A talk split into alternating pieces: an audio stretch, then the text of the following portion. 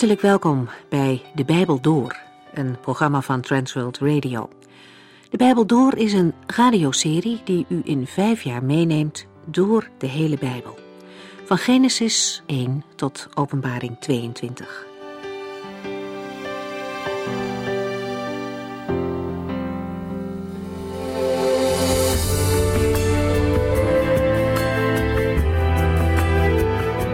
Vandaag zijn we toe aan Genesis 49 en hierin staan de afscheidswoorden die Jacob aan zijn kinderen meegaf. De laatste woorden van iemand zijn heel belangrijk. Die van Jacob bevatten behalve een persoonlijke boodschap ook profetische elementen. Maar voor we daarop ingaan, eerst nog een terugblik op de vorige keer. Het zijn de laatste dagen van Jacob. Hij ligt op bed en het zal niet lang meer duren voordat hij gaat sterven. Als Jozef dat hoort, gaat hij met zijn twee zonen naar zijn vader toe. Het wordt een gedenkwaardig moment. Jacob zegent zijn twee kleinzonen en geeft ze daarmee de positie van stamvader in Israël. In het Nieuwe Testament lezen we dat hij dat uit geloof deed. Jacob laat zich aan het einde van zijn leven leiden door zijn geloof in God. De vorige keer hebben we het gehad over geestelijk groeien, toenemen in geloof, leven en leren vertrouwen op God. Dat proces zien we ook in Jacobs leven. Hij draagt vruchten van geloof als hij oud geworden is. Groeien in geloof is een proces. Het komt niet door één ervaring op één bepaald moment. Het is wandelen in de geest. En soms, haast ongemerkt, is er groei in geloof. God heeft geduld en hij forceert de groei niet. Bij het ouder worden en zeker op een sterfbed vallen veel dingen weg. Zaken waar we ons druk over hebben gemaakt, ze doen er niet meer toe. Alleen de dingen die echt belangrijk zijn blijven over. Zo ging het ook bij Jacob. Als hij begint te praten, kijkt hij allereerst terug. Terug naar het moment dat God aan hem verschenen is. Dat zijn belangrijke momenten die blijven. Tijd met God, een keuze om de Heer te volgen. Jacob zegent de zonen van Jozef. Het gaat anders dan gebruikelijk.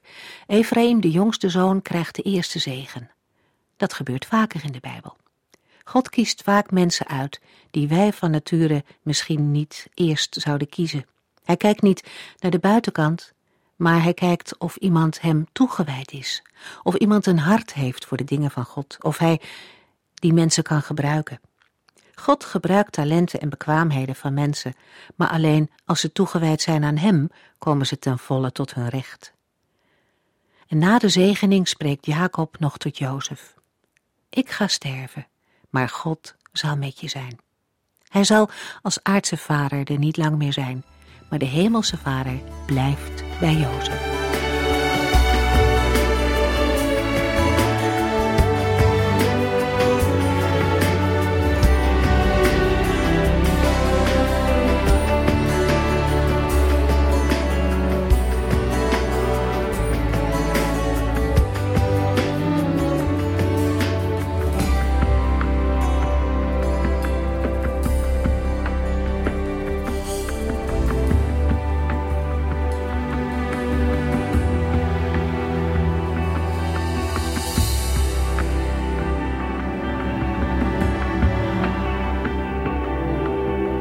Met Genesis 49 zijn we aangekomen bij het testament van Jacob. In Genesis 48 hebben we gezien dat Jacob met inspanning van al zijn krachten rechtop in bed ging zitten en de zonen van Jozef, Ephraim en Manasse zegende. Daarna roept Jacob zijn andere zonen naar binnen. Genesis 49 wordt vaak de zegen van Jacob genoemd, maar het kan beter het testament van Jacob heten. De laatste woorden van Jacob bevatten niet alleen zegen, maar ook vloek. Jacob bevindt zich nu te midden van zijn twaalf zonen. Hij heeft voor elk van hen een persoonlijke afscheidsboodschap. Jacob begint met de oudste, Ruben, en gaat de hele rij langs. Alles wat iemand op zijn sterfbed zegt, is belangrijk. In het algemeen is het dan toch zo dat de mens dan zeker waarheid zal spreken. De boodschap van Jacob is indrukwekkend, vooral omdat hij profetisch is. Jacob schildert in vogelvlucht de toekomst van het volk Israël. Het volk dat de twaalf zonen van Jacob zullen vormen als ze stammen zijn geworden. Wat toen profetisch was, is nu grotendeels historisch geworden. Jacobs geloof heeft, door Gods genade, mogen groeien tot een profetisch spreken over het volk Israël in het land Canaan. Geweldig wat een geloof! We moeten namelijk niet vergeten dat op het moment dat Jacob deze profetische woorden mag spreken, de Canaanieten nog steeds in het land woonden en dat Jacobs familie zich had gevestigd in Egypte. Genesis 49, vers 1. Toen riep Jacob al zijn zonen bij elkaar en zei: Kom om me heen staan, dan zal ik jullie vertellen wat met jullie zal gaan gebeuren. In de grondtekst van het eerste vers vinden we een uitdrukking die vaker voorkomt in de Bijbel. In onze vertaling is het weergegeven met: Wat met jullie zal gaan gebeuren. Letterlijk staat er: Wat er zal gebeuren in het laatste van de dagen. De laatste dagen van het volk Israël zullen anders zijn dan de laatste dagen van de gemeente van de Heer Jezus Christus. We moeten hier goed onderscheiden. In Genesis 49 gaat het over de laatste dagen van het volk Israël. Wat er zal gebeuren met de twaalf stammen die uit Jacobs zonen ontstaan en samen het volk Israël zullen vormen. Studie van de Bijbelse profetieën zijn altijd interessant en geven vaak stof tot nadere doordenking, overweging en gebed. Dit laatste is erg belangrijk. Het bewaart de mensen voor om met zijn of haar fantasie op de loop te gaan. Het geeft ook aan dat de enige die werkelijk de profetieën kan uitleggen, de Heer God zelf is. Wij mensen hebben de Heilige Geest nodig. We moeten schrift met schrift vergelijken want geen enkele profetie uit de Bijbel laat een eigen machtige uitleg toe. Valt er dan helemaal niets over te zeggen? Gelukkig wel, maar gepaste eerbied en bescheidenheid is hier op zijn plaats. De grond waarop we staan is heilige grond. Zeker, ook als het gaat over de profetieën die betrekking hebben op de twaalf zonen van Jacob en de stammen die daaruit voortkwamen. Diepere studie van de profetieën brengen soms tot nieuwe en verrassende inzichten. Bijvoorbeeld de ontdekking dat de profetieën over de stammen van Israël, vooral degene die door Mozes in Deuteronomium 30 zijn uitgesproken, een geweldige vervulling hebben gekregen. Het voert nu te ver om er verder op in te gaan. Dat gaan we doen als we bij Deuteronomium 30 zijn aangekomen. Hier noem ik het alleen als voorbeeld. Het is een echte bemoediging om aan de hand van concrete voorbeelden te mogen zien dat de levende God doet wat hij zegt en belooft. In ieder geval is het volk Israël daarvan een sprekend voorbeeld. Mensen spreken met elkaar over de vervulde profetieën met betrekking tot het volk Israël. Natuurlijk zijn er ook profetieën die nog niet of nog niet volledig vervuld zijn. In het Nieuwe Testament wordt door Petrus over het profetische woord gezegd. Wij zijn er nu dus nog zekerder van dat het waar is wat de profeten hebben gezegd. U doet er goed aan daarop uw oog te richten als op een lamp die een donker vertrek verlicht. Hun woorden verlichten ons innerlijk, totdat de morgenster opgaat in ons hart. 2 Petrus 1, vers 19. En dan het 20ste en 21ste vers uit hetzelfde hoofdstuk. U moet goed onthouden dat niets van wat de profeten in de boeken hebben gezegd, zonder de hulp van de Heilige Geest kan worden uitgelegd. Want zij hebben die woorden niet zelf bedacht, maar de Heilige Geest heeft hen ertoe gedreven namens God te spreken. Werken we het uit naar de twaalf stammen van Israël, dan ontdekken we dat de Heer God profetieën heeft gegeven over elk van de twaalf stammen afzonderlijk. Niet alleen profetieën met betrekking tot het hele volk zijn vervuld, maar ook profetieën over elke stam zijn uitgekomen. Dat is bijzonder. In Genesis 49, dat we nu voor ons hebben, lezen we de profetieën over wat elke stam in de laatste dagen zal overkomen. Sommige profetieën zijn al vervuld, maar de meeste wachten nog op een volledige vervulling.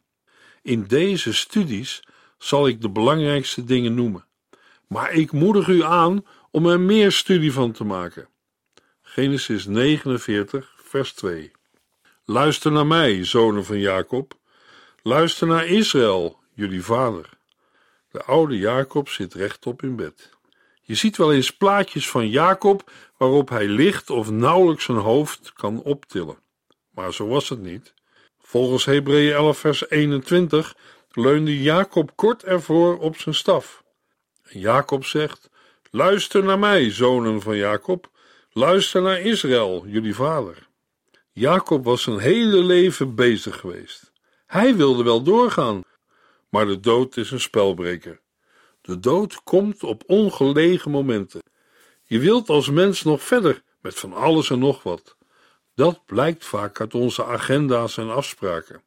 Voor dit programma heb ik afspraken gemaakt voor de komende vijf jaar, maar ik weet niet of ik ze na kan komen. Ik heb ze gemaakt onder het voorbehoud van Jacobus, zo de Heere wil en ik mag leven. Jacob merkte dat het einde kwam. Hij leunde op zijn staf. Hij wilde doorgaan, maar hij kon niet meer. Jacob is in velelei opzichten een bijzondere man. Genesis 49, vers 3 en 4. Ruben, jij bent mijn oudste zoon, het kind van mijn mannelijke kracht. Jij bent de eerste van allen in positie en eer. Maar jij bent net zo onrustig als de golven van de zee, en je zult niet langer de eerste zijn. Ik heb je je plaats ontnomen, omdat je met een van mijn vrouwen hebt geslapen en mij op die manier hebt onteerd. Jacob ziet dat Ruben in vele dingen op hem lijkt, onrustig als de golven van de zee. Dat zou ook een omschrijving van de beginjaren van zijn eigen leven kunnen zijn. Zo vader, zo zoon. Je zult niet langer de eerste zijn. Ruben was wel de oudste, maar niet de wijste. In sporttermen zou je kunnen zeggen: soms won hij brons, soms zilver, maar nooit goud. Weet u, luisteraar, dit is een kenmerk van veel mensen in onze tijd. Soms winnen ze brons, soms zilver, maar nooit goud. Op zich is daar niets mis mee. Je bent tevreden en hoeft niet zo nodig uit te blinken. Maar er is toch verschil of je goud niet kan halen of niet wilt halen. Bij het eerste moet je zeggen: het zit er gewoon niet in. Maar bij het tweede, als het er wel in zit, is het dan een misdaad om goud te halen? Of als het erin zit, ben je verplicht om goud te gaan halen? Waarom of waarvoor? Ik heb een vriend die dominee is, een geweldige man. Hij kan prachtig schrijven. Hij heeft het in zich om een groot schrijver te worden, maar dat wil hij niet. Hij heeft hooguit een paar korte artikelen geschreven. Daarnaast had hij ook heel goed professor aan de theologische faculteit kunnen worden, maar ook dat wilde hij niet. Hij bleef gewoon dominee van een kleine gemeente, want dat wilde hij. Hij was tevreden met zilver en heeft nooit goud gewonnen. Jacob zegt: Ruben, jij bent net zo onrustig als de golven van de zee, en je zult niet langer de eerste zijn. Als je zoiets zegt, dan moet er wel wat zijn gebeurd. En dat is ook zo. Het verhaal dat Jacob hier over Ruben aanhaalt, is een onverkwikkelijke geschiedenis. In de bespreking van Genesis 35 is het wel genoemd, maar we hebben er niet bij stilgestaan. Het wangedrag van Ruben wordt door Jacob drie keer genoemd met verschillende woorden. In onze vertaling vinden we er twee terug, omdat je met een van mijn vrouwen hebt geslapen en mij op die manier hebt onteerd. Vandaag aan de dag zou er direct een film van worden gemaakt. En hoeveel mensen, ook christenen, zouden er naar kijken? De Heere God vraagt ons niet om bij de zonde van iemand anders stil te staan. De Heer wil graag dat wij onze gedachten op andere dingen richten. In Filippenzen 4 vers 8 lezen we Broeders en zusters, richt daarom uw gedachten op alles wat waar, eervol, rechtvaardig, zuiver en mooi is, en wat goed bekend staat. Kortom, alles wat deugzaam en loffelijk is. God laat de zonden van mensen wel opschrijven, opdat ook wij aan onze eigen zonden ontdekt worden. Je kan er ook uit zien, als je het nog niet wist, wat er van nature in een mensenhart omgaat en kan opkomen. Genesis 49, vers 5. Simeon en Levi zijn broeders. Ze gebruiken geweld tegen hun bondgenoten. Weet u nog dat ze naar Sichem gingen en de inwoners van de stad vermoorden omdat één man schuldig was aan de verkrachting van hun zus Dina? Ze namen wraak op de hele stad. Dat hadden ze natuurlijk nooit mogen doen. En Jacob herinnert hen eraan. Genesis 49, vers 6 en 7. Blijf uit hun buurt. Mogen ik nooit deel hebben aan hun slechte plannen. Want in hun woede doden zij mannen en sneden runderen de pezen door, alleen voor hun plezier. Vervloekt zij hun woede, want die is hevig en wreed. Daarom zal ik hun nakomelingen door heel Israël verspreiden. In Levi wordt Gods geweldige genade zichtbaar. Het is waar dat deze stam verspreid werd door Israël, maar dat was vooral omdat het de stam van de priesters was geworden. Het is genade van de Heere God dat hij een wreed persoon als Levi tot stamhoofd van de priesterstam kan maken. Het is ook de genade van God dat hij ons, luisteraars, van zondaars veranderd heeft in koninklijke priesters. In de Nieuwtestamentische gemeente zijn alle gelovige priesters. Onder hen zijn bekeerde alcoholverslaafden, prostituees, criminelen en moordenaars. Hoe werden zij priesters in het koninkrijk van God? Net zoals ieder ander mens, door de overweldigende genade van de Heere God. U weet toch wat een geweldige losprijs God heeft betaald om u vrij te kopen van het lege bestaan dat u, net als uw voorouders, leidde. U bent niet vrijgekocht met iets wat vergaat, zoals zilver en goud, maar met het kostbare bloed van een volmaakt en vlekkeloos lam, het bloed van Christus. 1 Petrus 1, vers 18 en 19. Petrus gaat verder in 1 Petrus 2, vers 5 en zegt: U moet zich door God laten gebruiken als levende stenen, waarmee Hij zijn geestelijk huis bouwt. U bent ook de heilige priesters die door Jezus Christus geestelijke offers brengen, die voor God aanvaardbaar zijn. Over wie heeft Petrus het hier? Over degenen die gered zijn door het kostbare bloed van Christus. Simeon en Levi verloren hun plaats, net zoals Ruben. Zij zullen vanwege hun vrede en gewelddadige daad geen eigen stamgebied bezitten. Ook de beloofde koning en Messias zal niet uit een van hun stammen komen. Er is een andere zoon van Jacob die daarvoor wordt uitgekozen. Zeker, hij is ook een zondaar, maar we zullen zien wat de genade van God in hem bewerkt. Genesis 49, vers 8. Juda, je broers zullen jou prijzen, je zult je vijanden vernietigen. Voor u zullen zich de zonen van uw vader neerbuigen, staat er in de grondtekst nog bij. Waarom zullen zijn broers zich voor Juda buigen? Omdat Heer Jezus Christus uit de stam van Juda is gekomen. Voor hem zal iedereen zich buigen. Genesis 49, vers 9. Juda heeft zich als een leeuw neergelegd. En wie zal hem durven opjagen? Jacob vergelijkt Juda met een leeuw. Een leeuw die zijn prooi bemachtigt op een lager gelegen plaats, bijvoorbeeld bij een bron of een rivier, en dan meeneemt naar een hoger gelegen plek en daar gaat liggen. Wie durft hem op te jagen? Het beeld van een leeuw die zijn prooi meeneemt en gaat liggen komt meer voor in het Oude Testament. In Deuteronomium 33, in Numeri 23 en in Nahum 2.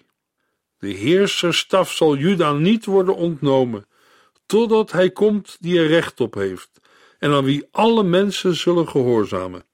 Genesis 49, vers 10. Voor de vertaling totdat hij komt die er recht op heeft, staat in de grondtekst totdat Silo komt. De laatste twee regels van vers 10 zijn moeilijk te vertalen. Er worden veel verschillende verklaringen van gegeven. Er zijn al vijf belangrijke vertalingen die in verschillende commentaren steeds weer terugkomen. Daarnaast zijn er nog verschillende varianten. De vertaling die wij gebruiken heeft gekozen voor totdat hij komt die er recht op heeft.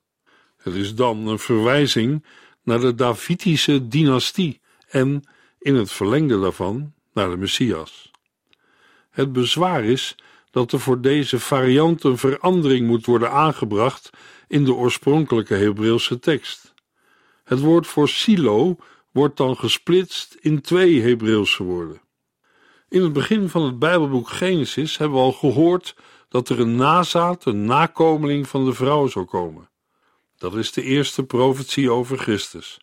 Genesis 3, vers 15. De vrouw en jij en al jullie nakomelingen zullen vijanden zijn. Eén van haar nakomelingen zal jouw kop verbrijzelen en jij zult zijn hiel verbrijzelen. De nazaat van de vrouw is degene die de kop van de slang zal vermorzelen. Hij zal degene zijn die de overwinning behaalt. Deze eerste profetie staat in Genesis. In hetzelfde Bijbelboek wordt de belofte herhaald aan Abraham, Isaac en Jacob. En in Genesis 49 worden de beloften doorgegeven aan Juda. Hij zal uit de stam van Juda komen. En sommige uitleggers herkennen in het woord silo het Hebreeuwse woord shalom, wat rust en vrede betekent. Christus is degene die rust zal geven. Toen de Heer Jezus op aarde rondliep, keerde hij zich om en liep weg van degene die hem verwierpen. Hij zei tegen de mensen: Als de lasten u drukken en u vermoeid raakt, kom dan bij mij. Ik zal u rust geven. Matthäus 11, vers 28. Dat is Silo. Silo is gekomen. Christus is niet alleen Silo, hij is ook degene die de scepter vasthoudt. De handen die met spijkers doorboord werden, zullen de scepter van dit heelal vasthouden. In het slot van vers 24 van dit hoofdstuk lezen we dat de herder, de rots van Israël, van de Heere God zal komen. Silo is ook een herder en een rots. En als we naar nummer 24 vers 17 gaan, lezen we er, er stijgt een ster op uit Jacob en een scepter rijst op uit Israël. Al deze voorzeggingen wijzen op de komst van Christus. Hij is de nazaat die aan Eva en de aardvaders is beloofd. Hij is de silo die rust brengt. Hij is de koning die de scepter vasthoudt. Hij is de herder die zijn leven gaf en hij is de opperherder die op een dag zal terugkomen. Hij is de steen die door de bouwlieden werden afgewezen, maar nu de hoeksteen is geworden. Hij is de ster, de blinkende morgenster, voor zijn kerk, voor zijn gemeente. Dit is de lijn die loopt van Adam naar Seth, nadat Abel was vermoord. Van Seth gaat het via Noach naar Sem en daarna naar Abraham, Isaac en Jacob en nu naar Juda.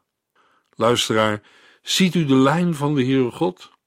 De Heere werkt volgens een vast patroon naar zijn belofte. Hij belooft en heeft gesproken. Door de geslachten heen komt hij tot zijn doel. Het is belangrijk dat we dat zien. Genesis 49, vers 11 en 12. Hij heeft zijn rijdier aan de wijnstok vastgebonden en zijn kleren in wijn gewassen. Zijn ogen zijn donkerder dan wijn en zijn tanden zijn witter dan melk. De overvloed van de toekomstige heilstijd wordt geschilderd. De verzen worden ook in verband gebracht met de Messias. Christus die op een ezel Jeruzalem binnenrijdt. Hij offerde zichzelf op als de Messias, de koning en de redder. Hij heeft zijn kleren in wijn gewassen, de wijn als symbool voor het bloed, het bloed van Christus, dat hij gaf tot verzoening van al onze zonden. Wanneer Jezus Christus opnieuw komt, dan zullen zijn kleren rood zijn. De vraag is: waarom is uw kleding zo rood als van iemand die in de wijnpers de druiven uitperst? Jesaja 63, vers 2. In Jesaja is het niet zijn eigen bloed dat hij gaf tot verzoening van de zonde. Maar Jesaja mag doorgeven: het is het bloed van zijn vijanden. Jesaja voorzegt de tweede en laatste komst van Christus, als hij komt om te oordelen de levenden en de doden. In de profetie aan Juda zien we de glorieuze eindoverwinning al schitteren van de koning der koningen en de heren der heren, de leeuw uit de stam van Juda, Jezus Christus. Genesis 49, vers 13. Zebulon zal aan de kust wonen en een haven voor de schepen zijn. Zijn gebied zal aan Sidon grenzen. Zebulon was de stam die aan de kust woonde, in het noorden van het land. Genesis 49, vers 14 en 15. Issachar is een sterk lastdier dat ligt te rusten tussen de pakken op zijn rug. Toen hij zag hoe goed het land was en hoe mooi het eruit zag, boog hij gewillig zijn schouder en diende zijn meester. Issachar krijgt uiteindelijk ook een plaats in het noorden van het land. Het gebied dat hij later krijgt toegewezen is een vruchtbaar gebied ten zuidoosten van het meer van Galilea. De mensen uit de stam van Issachar hebben veel werk verzet. Ze vormen daarmee de ruggengraat van de natie. Ze waren harde werkers. Wij zouden zeggen gewone arbeiders. Ze zeggen niet veel, maar werken hard. En daarmee vormen ze de ruggengraat van het volk. Is dat de zwijgende meerderheid? Ook vandaag hebben we het wel eens over de zwijgende meerderheid. Meestal geeft het een passieve houding van de grote massa aan. Ze vinden alles maar goed en laten de dingen maar over zich heen komen. Het gewone volk. Ze komen niet in de krant en op het journaal. Ze horen niet bij de very important persons, bij de VIP's, belangrijke of bijzondere mensen die wel regelmatig in het nieuws zijn. Maar de werkpaarden zijn meestal niet de VIP's. Zij vormen niet de ruggengraat van een natie. In Genesis 49 worden de kleine stammen, zoals Zebulon en Issachar, de ruggengraat van het volk Israël genoemd. Ja, de kleintjes, die, ook wij, zo gauw geneigd zijn om te vergeten. Zij waren de echte ruggengraat van het volk Israël toen zij zich vestigden in het beloofde land. Toen hij zag hoe goed het land was en hoe mooi het eruit zag, boog hij gewillig zijn schouder en diende zijn meester. In de volgende uitzending gaan we verder met de stammen van Israël en het testament van Jacob.